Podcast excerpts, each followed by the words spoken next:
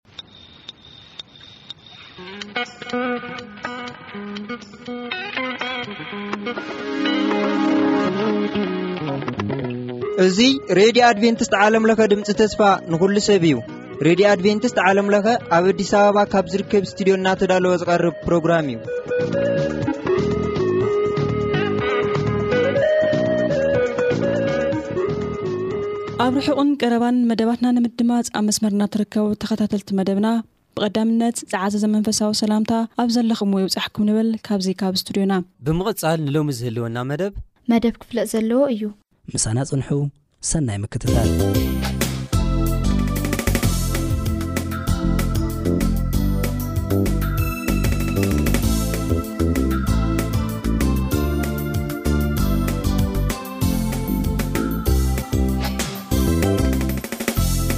ጎይታናን መድሓኒና የሱስ ክርስቶስ ተፈተኹም ክቡራት ኣሕዋትን ኣሓትን ሰላም ኣምላኽ ንዓኻትኩም ይኹን ሎሚ ሓደ ኣርእስቲ ሒዘልኩም ቀሪበ ዘለኹ የሱስ ክርስቶስ ሊቀ ካህንና ዝብል እዩ የሱስ ክርስቶስ ሊቀ ካህንና ዝብል እዩ እሞ እዚ ከዓ እቲ ኣብ ብሉይ ኪዳን ብዛዕባ ክህንነት ብዛዕባ ቤተ መቅደስ ብዛዕባ መስዋእትታት ዝዛረብ ንሱ ንዓይ ንዓኻትኩምን ዓብዪ ትርጉም ስለ ዘሎ ምስቲ ናይ ብሉይ ኪዳን እንዳተሓሓዝና ቃል እግዚኣብሄር ክንመሃር ኢና ክቡራት ኣሕዋት ኣብ እብራውያን ምዕራፍ ሸሞንተ ፍቕዲ ሓደ እንታይ ዝብል ኣሎ ብዛዕባ ክህንነት ማለት እዩ ብዙሓት ሰባት ካህን የብልኩምን ይብሉና እዮም መቕደስ የብልኩምን ይብሉና እዮም ግን መጽሓፍ ቅዱስ ንዓይ ንዓኻትኩምን ዝገልጸልና ቤተ መቕደስ ከም ዘሎናን ካህን ከዓ ከምዚ ዘለና እዩ ዝገልጸልና እስኪ ከምበበልኩም ሕጂ ድማ ነዚ እንብሎ ዘለና ኣውራ ነገሩ እዚ እዩ ንሕናስ ኣብ ሰማያት ኣብ የማን ዝፋን ግርማ እተቐመጠ ናይቲ ጐይታ ደኣ እምበር ሰብ ዘይተኸሎ መቕደስን ድንኳን ሓቅን ኣገልጋሊ ከምዚ ዝኣመሰለ ሊቀ ካህናት ከምዚ ዝኣመሰለ ሊቀ ብሉጽ ሊቀ ካህን ብሉጽ ቤተ መቕደስ ኣበይ ኣብ ሰማይ ንመን ንዓና ማለት እዩ እቲ ኣገልግሎት ንመን እዩ ንዓይ ንዓኻትኩም እዩ ሕጂ እቲ ኣብ ብሉይ ኪዳን ዝግበር ዝነበረ መስዋእትታት ኩሉ እቲ ናይ ቤተ መቕደስ በዓላት ዝግበር ዝነበረ እሱ ብምሉኡ እንታይ እዩ ዝዛረብ እንታይ እዩ ዝገልጽ እንተዳ ኢልና ብዛዕባ መደብ ምድሓን ደቂ ሰባት ሰብ ከመይ ገይሩ ክድሐን ከም ዝኽእል ዝገልጽ ፕሮሰስ እዩ መስርሕ እዩ ሕጂ ኣብ ዘዳገም ብብዝሒ ተመዝጊቡ ዘሎ ብዛዕባ እዚ ናይ መስዋእትናት ናይ ቤተ መቕደስ ኣብኡ ክነጽንዕ ከለና ጥልቕ ዝበለ መጽናዕቲ ክንገብር ከለና ብዝያዳ ብዝያዳ ካቲ መንገዲ ኣምላኽ ንፈልጦ ማለት እዩ ብዝያዳ ከኣ ነስተውዕሎ ማለት እዩ ስለዚ ኣብቲ መዝሙር ዳዊት ሰብዓን ሸውዓተን ፍቕዲ ዓሰርተ ሰለስተ ወእግዚኣብሔር መንገድኻ ብቕድስና ወይ ከዓ ኣብ መቕደስ እዩ ወእግዚኣብሔር መንገድኻ ሲ ኣብ መቕደስ እዩ ሕጂ እቲ ሰብ ከመይ ገይሩ ከም ዝድሕን ኮንፊዝ ኮይኑ ደሎ ብፍላይ ኣብ ዘለናዮ ግዜ ኣብቲ ቤተ መቅደስ ኢካ ትፈልጦ ማለት እዩ ንኣብነት ኣብ መዝሙር ዳዊት ሰብዓን ሰለስተን እዚ ኣሳፍ ብዛዕባ ናይቶም ረሲኣን ኩሉ ዝገብርዎ ርዩ መንገድታቱ ሰንከልከል ኢሉ ነይሩ ሰንከልከል ኢሉ ነይሩ እዚ ብጣዕሚ የሸግሮን የጨንቆን ነይሩ ማለት እዩ ድሓር ኣብቲ መቅደስ ምስ ኣተወ ግን እንታይ ክገብር ጀሚሩ ከስተውዕሎ ጀሚሩ ማለት እሞ ኣብቲ ቤተ መቅደስ ኣብኡ ዘሎ ምስትውዓል ብዛዕባኡ ክንምርምር ከለና ብዛዕባ ቤተ መቅደስ ትርጉሙ ክንፈልጥ ከለና ብዝያዳ ብዝያዳ እቲ መንገዲ ኣምላኽ እንዳስተውዓልናዮን እንዳተረዳእናዮን ኢና ንኸይድ ማለት እዩ እጂ እዛ ናይ ሰብዓን ሰለስተን መዝሙር ዳዊት ዘላ ከምብበልኩም ኣሳፍ ብጣዕሚ ተሸጊሩ ኮንፊዝ ኮይኑ ነይሩ ብዛዕባቶም ረሲኣን ኩነታት ምስ ረኣየ ፍቕዲ ክልተ እንታይ ይብል? ኣነ ግና ኣጋረይ ሰንከልከል ንምባል ስጉምተይ ንምድልሃሲ ቀሪበ ነበርኩ። ራህዋ ረሲዐ ምስ ረኣኹ ንደፋራት ቀናእኩሎም፣ ክሳዕ ሞቶም ስቕ ኣየብሎም። ብዛዕባኦም ይሓስብ ነይሩ፣ የስተንትን ነይሩ። እዞም ሰባት እዚኣቶም ስቓይ የብሎም፣ ሽግር የብሎምን፣ ከም ድሌቶም ይበልዑ ይሰትዩ፣ ይህብትሙ፣ ኣብ ስግኦም ከኣ ስቓይ የብሎምን እዩ። ደሓር ብዛዕባ እዚ ከም ተሸገረ ትሕት ኢልና ክንርኢ ከለና ፍቕሪ ዓሰርተ ሽዱሽተን ዓሰርተ ሸውዓተን እንታይ ይብለና ማለት እዩ ነዚ ከስተውዕል ምስ ሓሰብኩ ናብ መቕደስ ኣምላኽ ክሳብ ዝኣቱ መወዳእቶም ክሳዕ ዘስተብርሲ ኣዝዩ ይሽግረኒ ነይሩ ክሳዕ ናብ መቕደስ ዝኣቱ እዩ ማለት ክሳዕ ናብ መቕደስ ዝኣቱ ሲ ኣዝዩ የሸግረኒ ነይሩ ማለት የጨንቆ ነይሩ ማለት ስለዚ ናብቲ ቤተ መቕደስ ምስ ኣተወ ግን ናብቲ ቤተ መቕደስ ምስ ኣተወ ግን ከስተውዕል ጀሚሩ ናይ ረሲኣን ዝረኽብዎ መስጣ መወዳእታ መወዳእታ ናብ መንደልሃጽ ከም ዘእትዎ ናብ መፈንጠራ ከም ዘእትዎ ኣስተብሃልኩ እዩ ዝብለና ማለት ተረዳእ ሕጂ ንሕና ከኣ ልክዕ ኣብቲ መቕደስ ኣቲና ክንምርምር ከለና ኣብቲ መቕደስ ኣቲና ብዛዕባና ዝተገበረ ነገር ዕላማ ናይ እግዚኣብሔር ኣምላኽ መደብ ናይ እግዚኣብሔር ኣምላኽ ኣብኡ ከነስተብህል ከለና ብዝያዳ ምስትውዓልና ይሰፍሕ ማለት እዩ ሎሚ ኣነን ንስኹምን ብዛዕባ ቤተ መቕደስ ክንመሃር ይግባእ። እቲ ቀንዲ ስራሕ ናይ ጎይታና ኢየሱስ ክርስቶስ ንምፍላጥ ብዛዕባ መቕደስ ክንመሃር የድልየና ማለት እሞ ክልተ ነገራት ኣገደስቲ ንሓጢኣትና ንምትዕራቕ ክልተ ነገራት ኣሎ። መጀመርያ ዝኸፈለ እሱ ከ እንታይ ደም ኢልዎ ኣሎ መጀመርያ ደም ንዓይ ንዓኻ ትኩና ከም ዝኽእል መፅሓፍ ቅዱስ ኣብ ዘለዋውያን ምዕራፍ 17 11 ክንከይና እዚ ካብ ብሉይ ኪዳን ኢና ነንብቦ ዘለና ምክንያቱ እቲ ዛዕባ ናይ ቤተ መቅደስ ብብዝሒ ተገሊፅ ዘሎ ኣብ ብሉይ ኪዳን ስለ ዝኾነ ማለት እዩ ዓሰርተ ሸውዓተ ፍቅዲ ዓሰርተ ሓደ ነፍሲ ስጋ ኣብቲ ደም እዩ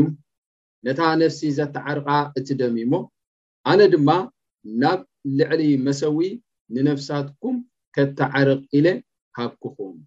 ነፍሲ ስጋ ኣብቲ ደም እዩ። እቲ ደም ከኣ ነታ ነፍሲ እንታይ ይገብራ? የተዓርቓ። ሕጂ ደም ክብል ከሎ እንታይ ማለት እዩ? ህይወት ማለት እዩ። ህይወት ምክንያቱ እንታይ ኢልዎ ኣሎ ነፍሲ ስጋ ኣብቲ ደም እዩ ኢልዎ ነፍሲ እቲ ዝተተዓረቐ እቲ ደም እዩ ኢልዎ ሕጂ እቲ ደም ንነፍሲ እንታይ ገብራ የተዓርቃ ኢልዎ ሓደ መተዓረቂ ደም ክፈስስ ኣሎ ኣስታት ኩሉ ብደም እዩ ዝዕረቕ ከም ዝበለ ደም እንታይ ክገብረካ ይኽእል እዩ ከተዓርቐካ ይኽእል እዩ ድሓር እቲ ካልኣይ ዘድልየና ከዓ ንሓጢኣት ማለት ናይ ሓጢኣት ዋጋ ንምኽፋል ወይ ከዓ ጭራሽ ካብ ኣካላትና ንምርሓቕ ክልተ ነገራት የድልያ ከም ዝበልኩም እቲ ቀዳማይ ደም ንዓይ ንዓኻትኩምን ከተዓርቐና ይኽእል እዩ እቲ ካልኣይ ከዓ ኣብ ዘላውያን ዓሰርተ ሽዱሽተ ሮዳ ዓሰርተ ሓደ ክንርኢ ከለና ካህን ማለት ካህን የድልየና ኣሮን ከኣ ነቲ ንርእሱ ዝኸውን ዝራብዕ መስዋእቲ ሓጢኣት የቕርቦ፣ ንርእሱን ንቤቱን ድማ የተዓርቕ፣ ነቲ ንርእሱ ዝኸውን ዝራብዕ መስዋእቲ ሓጢኣት ከኣ ይሕረዶ ይብለና። ፍቕዲ ዓሰርተ ሸውዓተ ከኣ ን ዓሰርተ ሽዱሽተ ዓሰርተ ሸውዓተ ንሱ ከተዓርቕ ናብ መቕደስ ምስ ዝኣቱ ክሳዕ ዝወጽእ ንርእሱን ንቤቱን ንብዘላ ማሕበር ደቂ እስራኤልን ክሳዕ ዘተዓርቕ ገለ ሰብ ኣብ ድንኳን ምርኻብ ኣየቶ። ስለዚ ክልተ ነገራት የድልየና፣ መጀመርያ ደም ክፈስስ ኣለዎ፣ ደም ምስ ፈሰሰ ከኣ ነቲ ደም ዝነጽግ ከኣ ካህን የድሊ። ክልቲኦም ሕጂ እዚኣቶም ንዓና እንታይ ይገብሩና ማለት እዩ? የተዓርቑና፣ ምስ ኣምላኽ የተዓርቑና። ሕጂ እቲ ደም ከመይ ገይሩ እዩ ንዓይ ንዓኻትኩምን ዘተዓርቐና? ከመይ ገይሩ እዩ ንዓይ ንዓኻትኩምን ዘተዓርቐና እንተ ኢልና እቲ ደም ይዛረብ። ደም ብዛዕባ ፍትሒ ናተይ ናትኩምን ይካታዕ እዩ። ሕጂ ደም ናይ የሱስ ክርስቶስ ከኣ ካብ ናይ ደም ናይ ኣቤል ዝበልጽ እንታይ ክኸውን ይኽእል እዩ ክዛረብ ይኽእል እዩ ክሳዕ ክንዲዚ ሕጂ ናይ ጎይታናን መድሓኒና የሱስ ክርስቶስ ካብ ደም ናይ ኣቤል ካብ ደም ናይ ገናሽል እንታይ እዩ ኣጸቢቑ ንዓይ ንዓኻትኩምን ዝካትዓልና ምዃኑ እዩ ዝገልጸልና ሕጂ ኣብ እብራውያን ዓሰርተ ክልተ ፍቕዲ ዕስራን ኣርባዕተን ከነንብብ ከለና ደም ናይ የሱስ ክርስቶስ ክሳዕ ክንዲ ምንታይ ከም ዝዛረብ ዝበለፀ ምዃኑ ንምግላፅ እሞ እቲ ደምሲ ንባዕሉ ንዓይ ንዓኻትኩምን ዘተዓርቐና ምዃኑ ኢና ንርኢ ዕብራውያን ዓሰርተ ክልተ ፍቕዲ ዕስራን ኣርባዕተን ናብ የሱስ ማእከላይ ሓድሽ ኪዳን ናብቲ ካብ ደም ኣቤል ዝሓሸ ዝዛረብ ምንጻግ ደምን በጺሕኩም ኣለኹም ናብቲ ካብ ደም ኣቤል ዝሓሸ ዝዛረብ ዝሓሸ ዝዛረብ ደም ናይ ኣቤል ዶ ተዛሪቡ እዩ ደምሲ ኣፍ ኣውፅኡ ድዩ ዝዛረብ ማለት ድዩ ኣይኮነን ደም ዳኣ ከመይ ገይሩ ክዛረብ ግን እቲ ደም ክፈስስ ከሎ ስለ ፍትሒ ስለ ጉዳይና እንታይ ይገብር እዩ ማለት እዩ ይጠርዕ ከም ምዃኑ እዩ መፅሓፍ ቅዱስ ዝገልፃልና ሕጂ እቲ ዕብራውያን ዓሰርተ ሓደ እንተ ርኢና ኣቤል ገና ብምውቱ ከሎሲ ብኡ ይዛረብ ኣሎ ይብለና ማለት እዩ እስኪ ንንቦ ኣቤል ካብ መስዋእቲ ቃየል ዝበልፅ መስዋእቲ ንኣምላኽ ብእምነት ኣቕረበ ኣምላኽ ብናይ መቡ ክምስክረሉ ከሎ ፃድቕ ምዃኑ ብኡ ተመስኪሩሉ ብምውቱ ከልካ ገና ብኡ ገይሩ ይዛረብ ድሓር እዚኣ ተኺላ ናበይ ትገልፀልና ማለት እዩ ናብ ናይ ዘፍጥረት ዘፍጥረት ምዕራፍ ኣርባዕተ ዘፍጥረት ኣርባዕተ ፍቕዲ ዓሰርተ ከነንብብ ከለናኻ ደም ሓውኻ ኣቤልሲ ይጠርዕ ኣለዎ ይጠርዕ ኣሎ ንሱ ከኣ እንታይ ጌርካ ኢኻ ድምጺ ደም ሓውኻ ካብ ምድሪ ናባይ ይጠርዕ እሞ ናይ ኣቤል ደም ናይ ኣቤል ደም ሪኢኹም ክሳዕ ክንዲ ምንታይ ብዛዕባ ፍትሒ ናይ ኣቤል ካብ ጠርዐ ደም ናይ ጎይታናን መድሓይና የሱስ ክርስቶስ ስለና ዝፈሰሰ ደም ስለና ዝፈሰሰ ደም ስለይን ስለኹምን ከተዓርቕ ይኽእል እዩ ማለት ክማጎተልና ይኽእል እዩ ማለት ፍትሒ ከውፅኣልና ይኽእል እዩ ማለት እዩ ስለዚ እቲ ደም ናይ ጎይታናን መድሓይና የሱስ ክርስቶስ ንዓይ ንዓኻትኩምን የተዓርቐና ማለት እዩ እቲ ደም ነታ ነፍሲ እንታይ ይገብራ ይባሎ የተዓርቓ እቲ ካልኣይ ከዓ ካህን ማለት እዩ እቲ ፕሮሰስ ናይ መስርሕ ናይ ምድሓን ሪኢኹም ኣብቲ መስቀል የሱስ ክርስቶስ ጥራሕ ኣይተወደን ይቕፅል እዩ ማለት እዩ እቲ መስርሕ ማለት ኣብቲ ቤተ መቅደስ ኢኻ ትፈልጦ ንኣብነት ሓደ ሰብ ሓጢኣት ክገብር ከሎ ሓጢኣት ምስ ገበረ ናብቲ ቤተ መቅደስ ይመፅእ ሓር ትገንሸል ይሓርዶ እቲ ሓጢኣተኛ ምስ ሓረዶ እቲ ካህን ነቲ ደም ኣብ መትሓዚ ሒዙ ኣብቲ ውሽጢ ቤተ መቅደስ እዩ ዝነፅጎ ማለት እዩ እምበር ሕጂ ኣብቲ ቤተ መቅደስ እቲ ደም ምስ ፈሰሰ ኪድ በቃ ኣይትብሎን ኢኻ ነቲ ሰብ ገና ፕሮሰስ ኣሎ ማለት ፕሮሰስ ኣሎ ስለዚ ጎይታና ንመድሓይና የሱ ኣብ መስቀል ምስ ወዓለ ተፈጸመ ኢሉ መስቀል ውዒል እዩ ዋጋ ከፊልና እዩ ስለዚ ደም ከፊልና እዩ ብድሕሪ ደም ከንታይ ኣሎ ካህን የድልየካ ድሕሪ ደም ከዓ ካህን የድልየካ ስለዚ እቲ ደም ንዓይ ንዓኻትኩም የተዓርቀና እቲ ካህን ከዓ ንዓይ ንዓኻትኩም የተዓርቀና ስለዚ ክርስቶስ ባዕሉ ገንሸል ኮይኑ ባዕሉ ከዓ ካህን ኮይኑ ማለት እሞ ልክዕ ከምቲ ናይ ቤተ መቅደስ ስርዓት ኦርደር ዝሓዘ መጀመርታ ደም ይፈስስ ብድሕሪ ደም ከኣ እቲ ካህን ከይዱ እቲ ቤተ መቕደስ ይነጽግ ከም ዝነበረ ልክዕ ክርስቶስ ከኣ ኣብ መስቀል ምስ ወዓለ ካብዚኣ ምስ ዓረገ ኣብ ሰማይ ኣብቲ ቤተ መቕደስ ስለይን ስሌኹምን ምትዕራቕ ገብር ናብታ ብኢድ ሰብ ዘይተሰርሐ ብኢድ ኣምላኽ ዝተሃንጸት መቕደስ ኣምላኽ ክረኣየልና እዩ ዝብለና ሕጂ እቲ ዕብራውያን ምዕራፍ ትሽዓተ ናብታ መቕደስ ክረኣየልና ኣትዩ ማለት እዩ ስለዚ ክርስቶስ ክሳብ ሕጂ ኣገልጋሊ እዩ ኮይኑ ዘሎ ክሳብ ሕጂ እቲ መስርሕ ናይ ምድሓን እንታይ ይገብር ኣሎ ይቕፅል ኣሎ ይቕፅል ኣሎ እሞ ኣብ ዕብራውያን ትሽዓተ ከነንብብ ከለና ኣብኡ እንታይ ገሊፅልና ኣሎ ንሱ ክረኣየልና ትብል ቃል ኣነ ደስ ትብለኒ ንሱ ክረኣየልና ንሕና ክንረአ ዝግባኣ ሲ ክረኣየልና እሱ እቲ ምትዕራቕ ዝበሃል ኣብ መንጎኻ ኣትዩ ማእከላይ ብምዃን ንዓኻ ደተዓርቐካ እዚ ማለት እዩ እብራውያን ትሽዓተ ፍቕዲ ዕስራን ኣርባዕተን ክርስቶስ ሕጂ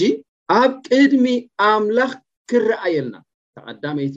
ምትዕራቕ ናይ ደም ኣፍሲሱ ድሕሪኻ ኦርደር ትመፅእ እታ ናይ ክህነት ስራሕ ማለት እዩ ክርስቶስ ሕጂ ኣብ ቅድሚ ኣምላኽ ክርኣየልና ናብኣ ናብታ ሰማይ ኣተወ እምበር ኣብቲ ምስሊ ሓቂ ኣብቲ ብኢድ እተገብረት መቕደስ ኣይኰነን ዝኣተወ። መቕደስ ኣትዩ ልክዕ ከምቲ ኣብ ብሉይ ኪዳን ኣሮን ናብቲ ቤተ መቕደስ ክኣቱ ከሎ እቶም ህዝቢ እስራኤል ኣብቲ ዙርያ ኰይኖም ይምህለሉን ይጽልዩን እዮም ነይሮም። ክሳብ ዝወጽእ ከኣ ማንም ሰብ ገዝኡ ዝኸይድ የለን ክሳብ ዝወጽእ ማለት እዩ ስለዚ ገንሸል ምስ ተሓረደ በቃ ወዲእኹም ኣለኹም ሕጂ ኪዱ ገገዛኹም ኣይበሃሉን እዮም ገንሸል ይሕረድ እቲ ገንሸል ተሓሪዱ ደም ኣሎ ደም ሒዙ እቲ ሊቀ ካህን ኣሮን ናብቲ ቤተ መቕደስ እዩ ዝኣቱ ብዙሓት ሰባት መስርሕ ናይ ምድሓን ሙሉእ ሙሉእ ኣብ መስቀል ተወዲኡ እዩ በቃ ኣብ መስቀል ተወዲኡ እንተዝኸውን ነይሩ ክርስቶስ ክህንነት ኣይመድለየን ነይሩ ማለት እዩ ኩሉ ነገር ተወዲኡ ኣሎ ማለት እዩ ስለዚ ገና ይቕፅል እዩ ይቕፅል እዩ ድሕሪ መስቀል እቲ ፕሮሰስ ይቕፅል እዩ ስለዚ ከዓ እቲ መንገዲ ኣምላኽ ኣበይ ንፈልጦ እንተ ኢልና ኣብቲ መቕደስ ኢና ንፈልጦ እሞ ክረኣየልና ንሕና ክንረአ ዝግባኣና ንሕና ኣብ ቅድሚ ኣምላኽ ክንቀርብ ዝግባኣና የሱስ ክርስቶስ ደም ገዛእ ርእሱ ደም ገዛእ ርእሱ ሒዙ ናብ እግዚኣብሔር ኣቦ ክረኣየልና ቀሪቡ ኣሎ በዚ ከዓ እንታይ ንረክብ ንሕና ምትዕራቅ ንረክብ ዕርቅ ንረክብ ኣብ ቅድሚ እግዚኣብሔር ኣምላክ ንሱ መንጎኛ ብምዃን ዕርቂ ንረክብ ድሓር ብቕዓት ከንነት ናይ የሱስ ክርስቶስ ካብ ካልኦት ዝበለፀ ነገር እንታይ እዩ ናይ ሓድሽ ኪዳን ብሉፅ ዝገብሮ ነገር እንታይ እዩ ተባሂልኩም ኣብ ዕብራውያን ሓሙሽተ ኢና ክንከይድ ናይ ክርስቶስ ኣገልግሎት ናይ ክርስቶስ ክህንነት ዶሙ ይኹን ኩሉ ካብ ናይ ካልኦት ብልጫ ዝኾነሉ ምክንያት ኣሎ ዕብራውያን ምዕራፍ ሓሙሽተ ካብ ሓደ ከንብበልኩም እየ ካብ ማእከል ሰብ እተወስደ ሊቀ ካህናት ዘበለስ መባእን ሕሩዱን ስለ ሓጢኣት ምእንቲ ክስውእ ብናይ ኣምላኽ ነገር ስለ ሰብ እዩ ዝሽየም ስለዚ ካህን መጀመርያ እንታይ ክኸውን ኣሎ ካብ ማእከል ደቂ ሰባት ክኸውን ኣሎ ቀዳምነት ማለት እዩ ከምታ ፅሕፍቲ ዝብለና ማለት እዩ ካብ ማእከል ደቂ ሰባት ኮይንኻ እንታይ ዘቕርብ መባእን መስዋእትን መባእን መስዋእትን ዘቕርብ ስለ ሰብ እዩ ዝሽየም ስለ ሰብ እዩ ዝሽየም ማለት እዩ ድሓር ፍቕዲ ክልተ ከዓ ንሩስኻ ድኻም ስለ ዝጠብቆ ነቶም ደናቁርትን ተጋገይን ክድንግጸሎም ዝኽእል እዩ። ሕጂ እቲ ካህን ማለት ደንጋጽ ክኸውን ኣሎ ሓደ ካህን ዝበሃል ናይ ብሓቂ ደንጋጺ ፈቃር ራሕራሒ ክኸውን ኣሎ ክርስቶስ ከኣ ካብ ማእከል ደቂ ሰባት እዩ ተወሲዱ ሰብ እዩ ክርስቶስ ፍጹም ሰብን ፍጹም ኣምላኽን እዩ ኣምላኽ ካህን ክኸውን ይኽእል ድዩ ኣይከውን እዩ በቲ ናይ ሰብኣውነቱ ካብ ማእከል ሰብ ዝተወስደ መባእን መስዋእትን ከቕርብ ኢሉ በሎ። እንደገና ነቶም ደናቁርቲ ነቶም እተጋገዩ ክድንግጸሎም ኣብቲ ናቶም ቦታ ክኣቱ ዝኽእል ማለት እዩ። ኣብቲ ናቶም ቦታ ልዕሊ ክርስቶስ ማንም ሰብ ንዓይ ንዓኻትኩምን ክድንግጸልና ዝኽእል የለን። ስለዚ ካብቶም ኣብ ቀደም ዝነበሩ ናይ ብሉይ ኪዳን በዓል ኣሮን ካባታቶም ይበልፅ እዩ ክርስቶስ ናይ ክርስቶስ ክእነት ካባታቶም ይበልፅ ንሳቶም ብዙሕ ይጋገዩ ነይሮም ብዙሕ ይብድሉ ነይሮም፣ ዘይስነምግባር ይገብሩ ነይሮም፣ ብድንጋጸ ይኹን ብስነምግባር ይኹን ከም ናይ ክርስቶስ ኣይኮኑን ነይሮም። ድሓር ንሱ እንታይ ክገብር ይኽእል እዩ? ክድንግጽ ይኽእል እዩ እሞ ብቕዓት ናይ የሱስ ክርስቶስ ካብ ማእከል ደቂ ሰብ እዩ፣ ሰብ እዩ ሓራይ እንደገና መባእን መስዋእትን ከቕርብ ክሽየም ኣለዎ። እቲ ሳልሳይ ከኣ ብኣምላኽ ዝተሓረየ እዩ። ብኣምላኽ ዝተሓረየ ምዃኑ ኣብኡ ይገልጸልና ማለት እዩ ስለዚ እታ ፅሕፍትኻ እንታይ እያ ካብ ማእከል ሰብ እተወስደ ሊቀ ካህናት ዘበለ መባን ምሕሩዱን ስለ ሓጢኣት ምእንቲ ክስዋእ ብናይ ኣምላኽ ነገር ስለ ሰብ እዩ ዝስዮም ብናይ ኣምላኽ ነገር ብኣምላኽ እዩ ዝስዮም ብኣምላኽ እዩ ዝስዋዕ ማለት ባዕልካ ካህን ክትከውን ኣይትኽእልኒ እሞ የሱስ ክርስቶስ እግዚኣብሔር ኣቦ ንወዱ ካህን ከም ዝኸውን ሸይምዎ ሸይምዎ እቲ ብቕዓቱኻ ንርኣዮ እቲ ብቕዓቱኻ ኣብ እብራውያን ምዕራፍ ክልተ ቁጥሪ ዓሰርተ ሸውዓተ እንተ ኣንቢብና እቲ ናቱ ብቕዓት ኣብኡ ገሊፅልና ኣሎ እስኪ ነንብቦ ስለዚ ነቲ ሓጢኣት ህዝቢ ምእንቲ ከተዓረቕ ብናይ ኣምላኽ ዘበለ ድንጋፀን እሙንን ሊቀ ካህናት ምእንቲ ክኸውን ብኩሉ ነቶም ኣሕዋቱ ክመስሎም ተገቦ እሙን ሊቀ ካህናት ማእታን ክኸውን ማለት እዩ ሓደ ካህን ፀገም ክፈልጥ ኣሎ ሓደ ካህን ሽግር ክፈልጥ ኣሎ ናይ ጥሜት ክፈልጥ ኣሎ ማእሰርቲ ክፈልጥ ኣሎ ከም ቴዎሪ ወይ ከዓ ከም ቴዎሪ ዘይኮነ ብፅሑፍ ክፈልጦ ሲ ፕራክቲካል እጂ ናይ የሱስ ክርስቶስ ግርመኩም ጥሜት ይፈልጥ እዩ ጥሜት ይፈልጥ እዩ ሰብ ክጠሚ ከሎ ክሳዕ ክንምንታይ ከም ደሳቂ ይርዶ እዩ ይርዶ እዩ ፅምኢ ይፈልጥ እዩ ድኻም ይፈልጥ እዩ ማእሰርቲ ይፈልጥ እዩ ሰብ ክንዕቐካ ከሎ ከነኣሰካ ከሎ ይፈልጥ እዩ ክርስቶስ ተናዒቑ እዩ በቶም ፈሪሳውያን ማለት እዩ እሞ በዚ ኩሉ በዚ ኩሉ ሓሊፍ እዩ እዩ ዝብለና ማለት እዩ ብኩሉ ነቶም ኣሕዋቱ ክመስሎም ተገቦ ማለት እዩ እቲ ሰብ ክሓልፎ ዝግባእ ፈተነታት እቲ ሰብ ክሓልፎ ዝግባእ ሽግራት ሓሊፍ እዩ ካልእ ክርስቶስ ፊት ንፊት ፊት ንፊት ምስ ሰይጣን ፈተናታት ብምግጣም እንታይ ኮይኑ እዩ ስዒሩ እዩ ተዓዊት እዩ ንሰይጣንሲ ስዒርዎ ስለዚ ኣብኡ ብምውካል ናብኡ ብምጥማት ኣነ ንስኹምን ከም ንስዕር ከኣ ሓደ ኣብነት ይኾነና ማለት እዩ። እንደገና እሙን ትብል ቃል ኣላ ኣብዚኣ እሙን ሊቀ ካህናት ምእንቲ ክኸውን ምእንቲ ክኸውን ንኣብነት እቶም ኣብዛ ምድራዊ ዝነበሩ ካህናት ገሊኦም እሙናት ኣይነ ኣብቲ ኣገልግሎቶም እሙናት ኣይነ ዘይስነ ምግባር ይገብሩ ነይሮም ማለት ስለዚ ክርስቶስ ግን እሙን ካህን ተባሂሉ ክሳዕ ክንዲዚ ብቕዓት ነይርዎ ድሓር ብተደጋጋሚ ክድንግጸሎም ይኽእል እዩ ዝብል እዛ ምድንጋጽ ትብል ቃል መቸም ዓብ ትርጉም ኣሎ ዓብ ትርጉም ኣሎ እዚ ምድንጋፅ ማለት ወይ ሓወይ ኢልካ ሕልፍ ትብሎ ማለት ኣይኮን ኣብቲ ናቱ ቦታ ክትኣ ሓደ ሰብ ክሽገር ሓደ ሰብ ክበቂ ከሎ ኣብቲ ናቱ ቦታ ክትኣቱ ከሎ እዚ ጎይታናን መድሓይ ን የሱስ ክርስቶስ ኣብ ወንጌል ዮሃንስ መራፍ ዓሰር ሓደ ተገሊፅ ዘሎ ኣልኣዛር ምስ ሞተ ነብዐ እዩ ዝብለና ነብዐ እቲ ዘንብዖ ዘሎ እንታይ እዩ እንታይ ኢልኩም ሞት ናይ ኣልኣዛር ደንብዖ ዘሎ ኣይኮነን ኣይኮነን ኣሕዋት እቶም ሰባት ይበኽዩ ነይሮም ይሓዝኑ ነይሮም ስለዚ ኣብቲ ናቶም ቦታ ይኣት ኣብቲ ናቶም ቦታ ብምእታው ክበኽዩ ክሓዝኑ ሽገሩ ምስ ረኣዮም ደንግፅሎም በቃ ንብዓት መፅዎ ማለት ስለዚ እዚ ምድንጋፅ ማለት ትርጉሙ ኣብቲ ናቱ ኣክሽን ኣሎ ኣክሽን ኣሎ ምድ ኣብቲ ናይቲ ሰብ ፀገም ኣብቲ ናይቲ ሰብ ሽግር ኣብኡ ክትህሉ ከለካ ክስማዓካ ከሎ ማለት ናቱ ፀገም ሽግር ስንዓካ ክስማዓካ እዩ ስለዚ ኣብ እብራውያን ኣርባዕተ ፍቕዲ ዓሰርተ ሓሙሽተ እንተ ኣንቢብና እውን ካብኡ ብዛዕባ ድንጋፀ ናይ ጎይታ ናይ ንየሱስ ክርስቶስ ኣብኡ ይገልፅ እዩ ደጊም ብዘይ ሓጢኣት ብኩሉ ከምዚ ከማና እተፈተነ እዩ እምበር ብኩሉ ከምዚ ከማና እተፈተነ እዩ እምበር ብድኻምና ክድንግጸልና ዘይክእል ሊቀ ካህናት ብድኻምና ክድንግጸልና ዘይክእል ሊቀ ካህናት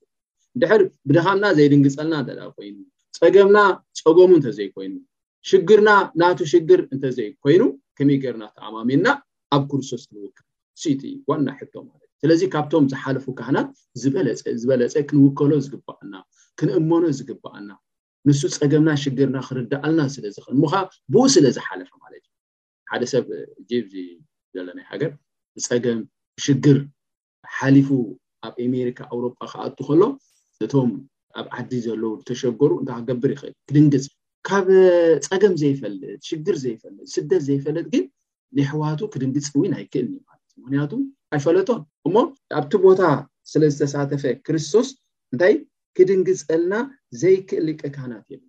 ደስ ዘብል እዛ ቃል እዚኣ ማለት እዩ እሞ ብሰማያት ዝሓለፈ ዓብዪ ሊቀ ካህናት የሱስ ወዲ ኣምላኽ ካብ ዝህለወና ምእማንና እንታይ ንግበር ነፅናዓዮ በቃ ሕጂ እንታይ ይገብረና ኣሎ ይገልፀልና ኣሎ ማለት ፕሩፍ ይገብረልና ኣሎ ንሱ ሲ እሙን ምዃኑ ፀገም ይፈልጥ እዩ ሽግር ይፈልጥ እዩ ክድንግፀልና ይኽእል እዩ ስለዚ እንታይ ንግበር እምነትና ነፅ ስለዚ ምሕረት ክንቅበል ምእንቲ ክንቅበል ብግዜ ጽበባውን ንረድኤትና ዝኸውን ጸጋ ክንረክብሲ ብትብዓት ናብ ዝፋን ጸጋ ንቕረብ። ሕጂ ንየሱስ ክርስቶስ ክንስዕቦ ከለና ነቲ ኣገልግሎትኻ ክንስዕቦ ይግባኣና። ኣንፈትና ናበይ ክኸውን ኣሎ? ናብቲ ክርስቶስ ስሌና ዘገልግሎ ዘሎ ቤተ መቕደስ ናብኡ ክንጥምት ይግባኣና እሞ ስለዚ ክድንግጸልና ይኽእል እዩ ምንም ተስፋ ንቖርጸሉ ነገር የለን። ክንደክም ንኽእል ክንሓዝን ንኽእል ክንሕጎስ ንኽእል ኣብ ኩሉ እቲ ናትና ህይወትና ይኣቱ እዩ ክርስቶስ ጣልቃ ይኣቱ እዩ ማለት ስለዚ ይስምዑ እዩ ብከምኡ ኢና ከዓ ኣካል ክርስቶስ ኢና ንሕና ኣካል ክርስቶስ ካብ ኮና እዚኣ ኢደ ኣካል እያ ኣካል ናይ ነብሰ እያ እዚኣ ክስምዓ ከሎ እዚ ኣብዚኣ ዝኾነ ነገር ጉድኣት ከጓንፋ ከሎ ኩላ ኣካላተይ ኢሉ ሽም ይስምዑ እዩ ልክዕ ክርስቶስ ከዓ ክፀበና ከሎ ክሽግረና ከሎ ንሱ እውን እንታይ ከውን ይስምዖ እዩ ማለት እዩ ይስምዑ እዩ ማለት እዩ ከምኡ ውን ኣብ ሸውዓተ ዕስራን ሓሙሽተን ኣብኡ ከ ተመሳሳሊ ዝኾነ ቃል ነንብብ ኢና ከምዚ ይብል ስለዚ ድማ ነቶም ብኡ ኣቢሎም ናብ ኣምላኽ ዝመፁ ኩሉ ግዜ ምእንቶም ክልምን ዝነብር ስለ ዝኾነ ፈፂሙ ከድሕኖ ብመን ኣቢሎም ብኢየሱስ ክርስቶስ ኣቢሎም ንሱ መንገድን ሓቅን እዩ ብኢየሱስ ክርስቶስ ኣቢሎም ናብ ኣቦ ክመጹ ዝደልዩ ንሱ ምእንትኦም ኩሉ ግዜ ስለ ዝልምን ፈጺሙ ፈጺሙ ከድሕኖም ይኽእል ምሉእ ምሉእ ማለት እዩ ጸሊም ዝነበረ ጻዕዳ ክገብሮ ይኽእል ከም በደል ማለት ሓጢኣትና እኳ እንተበዝሐ በደልና እኳ እንተበዝሐ ጎይታናን መድሓይና የሱስ ክርስቶስ ብደሙ ገይሩ ብምትዕራቕ ንዓይ ንዓኻትኩምን ፍጹም ፍጹም ምድሓን ትብል ቃል ክነስምረላ ይግባኣና ፈጺሙ ከድሕኖም ይኽእል ምሉእ ምሉእ ማለት እዩ ቶታሊ ምሉእ ምሉእ እንታይ ክገብሮም ይኽእል እዩ ከድሕኖም ይኽእል እዩ መን እዩ ክርስቶስ ክርስቶስ ናተይ ናትኩምን መተዓረቂ መንገኛ ብዙሓት ሰባት ክርስቶስ ኣምላኽ እንዲ ከመይ ገይሩ ይልምን ይብል ከመይ ገይሩ ይልምን በቲ ኣምላኽ ንብሎ በትኻ ይልምን ንብሎ ግን ከነስተውዕሎ ዝግባኣና የሱስ ክርስቶስ ፍጹም ኣምላኽን ፍጹም ሰብን ምኻኑ ከነስተውዕሎ ይግብኣና። በቲ ናይ ሰብኣውነቱ ምኽንያቱ ካህን ካብ ማእከል ሰባት ዝተወስደ ክኸውን ኣለዎ። ክርስቶስ ከኣ ሰብ ስለ ዝኾነ ፍጹም ሰብ ስለ ዝኾነ በቲ ናይ ሰብኣውነቱ ጌሩ ንዓይን ንዓኻትኩምን ተኪኡ ንዓና ኣምላኽ ክትክኣና ይክእል ንዓና ኣምላኽ ኤግዛምፕል ክኾነና ይክእል ሰብ እዩ ንዓና እንታይ ክኾነና ዝኽእል ማለት ኤግዛምፕል ክኾነና ዝኽእል ኣብነት ክኾነና ዝኽእል ሕጂ ብዙሓት ሰባት የሱስ ክርስቶስ ዳሞ ኣምላኽ ስለ ዝኾነ ሕጊ ይሕሉ ነይሩ ኣምላኽ ስለ ዝኾነ ከምዚ ይገብር ነይሩ ክብሉ ይኽእሉ እዮም ግን ኣይኮነን በቲ ናይ ሰብኣውነቱ ገይሩ በቲ ናይ ሰብኣውነቱ ገይሩ